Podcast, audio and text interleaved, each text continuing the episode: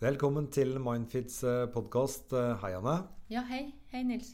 Vi gjør det vi pleier å gjøre. Vi besvarer spørsmål som dere har sendt inn. Eh, og grunnen til at vi besvarer dem på en podkast, er jo at det er eh, Selv om det er én person som har sendt inn et spørsmål, så er det relevant for flere. Ja, det vil jeg absolutt si. Og vi er også så glad for å få så mange spørsmål.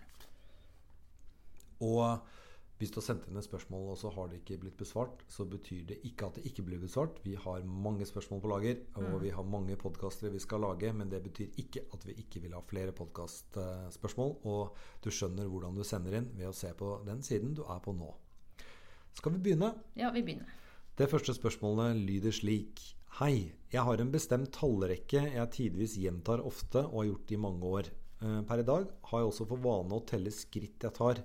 Dette begynner å bli veldig slitsomt, og jeg har i større grad lagt merke til det og lurer på hvorfor det kan være slik. Håper du kan hjelpe meg.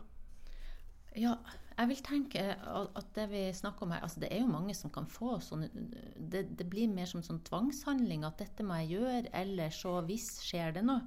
Det er akkurat som en får noen sånn antagelser knytta til at hvis jeg ikke gjør det her, så vil det skje et eller annet vondt. Eh, så det, del, det, kan være en del angst eller uro involvert i at en føler en må gjøre det her. Og det som blir beskrevet her om at det også utvider seg, eller at det blir, tar mer plass enn før, det får meg til å tenke at det er lurt, um, lurt å få hjelp med det. Uh, og en kan jo enten En kan jo også hjelpe seg sjøl, men det fins jo også nå etter hvert mange uh, distriktspsykiatriske senter der, der, de jobber veldig bra med tvangs, tvang, tvangshandlinger og tvangstanker. For det, det, er også sånn at, at, noen får tvangstanker, og det betyr at, at de legger veldig stor betydning i tankene sine. Dersom jeg tenker noe, så kommer det til å skje. Når jeg har dårlige tanker, så må, jeg, må det bety at det her eh, som jeg tenker, det kommer til å skje. Jeg ønsker at det skal skje. Så hva skal jeg si mer om det? Jo, jeg tror når det gjelder sånne handlinger som det her, eh, så må en eh, bryte egentlig ved å utfordre seg på å redusere tidsbruken en bruker på det. Og da kan det være lurt å alliere seg med noen som kan hjelpe en og oppmuntre en til det, vil jeg tenke. Fordi eh, en må jo finne en passe utfordring i utgangspunktet. En må føle at en har kontroll. En kan liksom ikke starte eh, med det største ubehaget og så gå derfra. Um, men det en trenger å få erfaring med, det er at selv, altså, selv om jeg, altså hvis jeg ikke gjør de ritualene og bare holder ut den uroen, så går det bra, det går over. Uh, og jeg tenker også at uh, en må få erfaring med Eller en må begynne å utfordre seg litt sjøl på at Men hvorfor skulle det ha noe å si om jeg går de skrittene, eller om jeg vasker meg ekstra i forhold til det som jeg er redd for? Hvorfor skulle noe fryktelig skje av den grunn? Det er jo bare tanker. Og hvis det er noen som lurer på om det er kjøleskapet eller magen som rumler, så er det altså ikke det. Det er uh, bygningsarbeid i nabohuset. Vi uh, spiller inn midt i Trondheim, og her bygges det. Men tilbake til tvangstanker. kan det være symptom på noe mer enn at man har gått inn i et spor?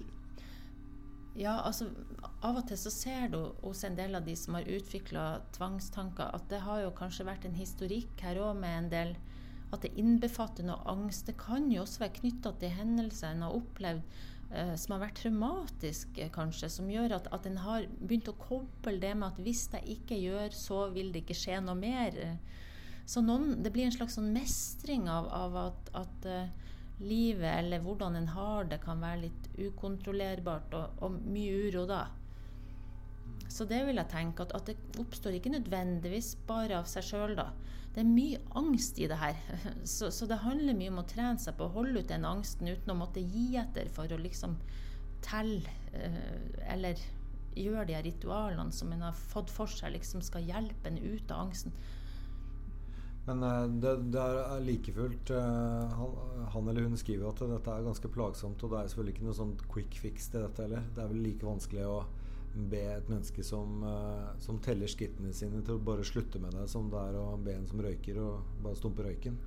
Ja, for jeg tenker at, at veldig mange som har det sånn sted, hvis det har tatt veldig overhånd, så kan det være lurt å søke seg profesjonell hjelp. Fordi en trenger noen som oppmuntrer en og samtidig pusher en litt òg. For at eh, det vil ikke bli bedre av å bare unngå. altså Ved å bare tenke at jeg må bare fortsette litt til med det her. Vanligvis, eller ofte, så kan det spre seg, ikke sant? så det blir mer og mer enn må gjøre. Eh, sånn at det å ha noen med seg som hjelper en, en profesjonell, det tror jeg mange ganger kan være en fordel, altså. Neste spørsmål. Eh, jeg leser Hei, jeg er ekstremt redd for sprøyter, vaksiner og medisinske nåler. Om jeg skal ha en vaksine, vil jeg bli kvalm, ikke få sove, gråte mye, ofte fordi jeg er så redd. Jeg klarer ikke å slutte å tenke på det som venter meg, og klarer ikke å fokusere på f.eks. lekser og skole. Trypanofobi. Uansett, er det en mulig kur? Om ikke, i tillegg tips for å få tankene av dette, for i alle fall en liten stund. Eh, noe tannlegen og helsesøster kan hjelpe meg med, kanskje? Veldig glad for svar. Ja, jeg kan jo kanskje først begynne å si noe om at altså, det er jo ulike typer fobier. da. Um, trypanofobi, det betyr sprøyteskrekk. Og de som har det, det er jo en ikke så uvanlig fobi å ha. Det kan jo bli så alvorlig at du unngår viktige blodprøver, du unngår vaksiner. Til og med legebesøk blir en utfordring. Uh, og da begynner du å få en helsemessig konsekvens for deg òg at du har den sprøyteskrekken. Men jeg vil tenke at her er det hjelp å få. Uh, det er litt eh, F.eks. når det gjelder tann, tannlegeskrekk, så er det satt i gang et svært prosjekt av Helsedirektoratet. Og her må jeg bare Jeg må snu arket mitt og så, så bare lese opp hva det heter, det her, altså. Fordi um, det heter Forkortelsen for det er TOO-prosjektet. Og der kan de som har tannlegeskrekk, bl.a. få hjelp, gratis eh, tannlegebehandling. Uh, og det er på et vis noe som er landsdekkende. Og det er noe der du liksom Det heter Tannhelsetjenestenes kompetansesenter. Og jeg, jeg, tenker at uh, for noen av de her med sprøyteskrekk, så, så er det liksom samme prinsippet i denne behandlinga. Så, jeg, jeg, tenkte jeg skulle si litt om hvordan en vil gjøre det. Uh, det er jo sånn som de sier sjøl i det prosjektet, uh, så ønsker de å hjelpe dem med en gradvis tilvenning til det en er redd for.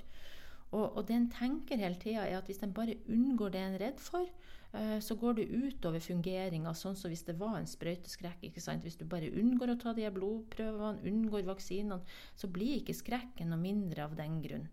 Uh, og så kan en ofte ha noen sånn forestillinger om hva som skal skje hvis en liksom tar den sprøyta. da. Uh, og kanskje en trenger hjelp til at de forestillingene må svekkes eller utfordres. altså Fordi en kan være veldig redd for en hvis jeg besvimer, et eller annet rundt det.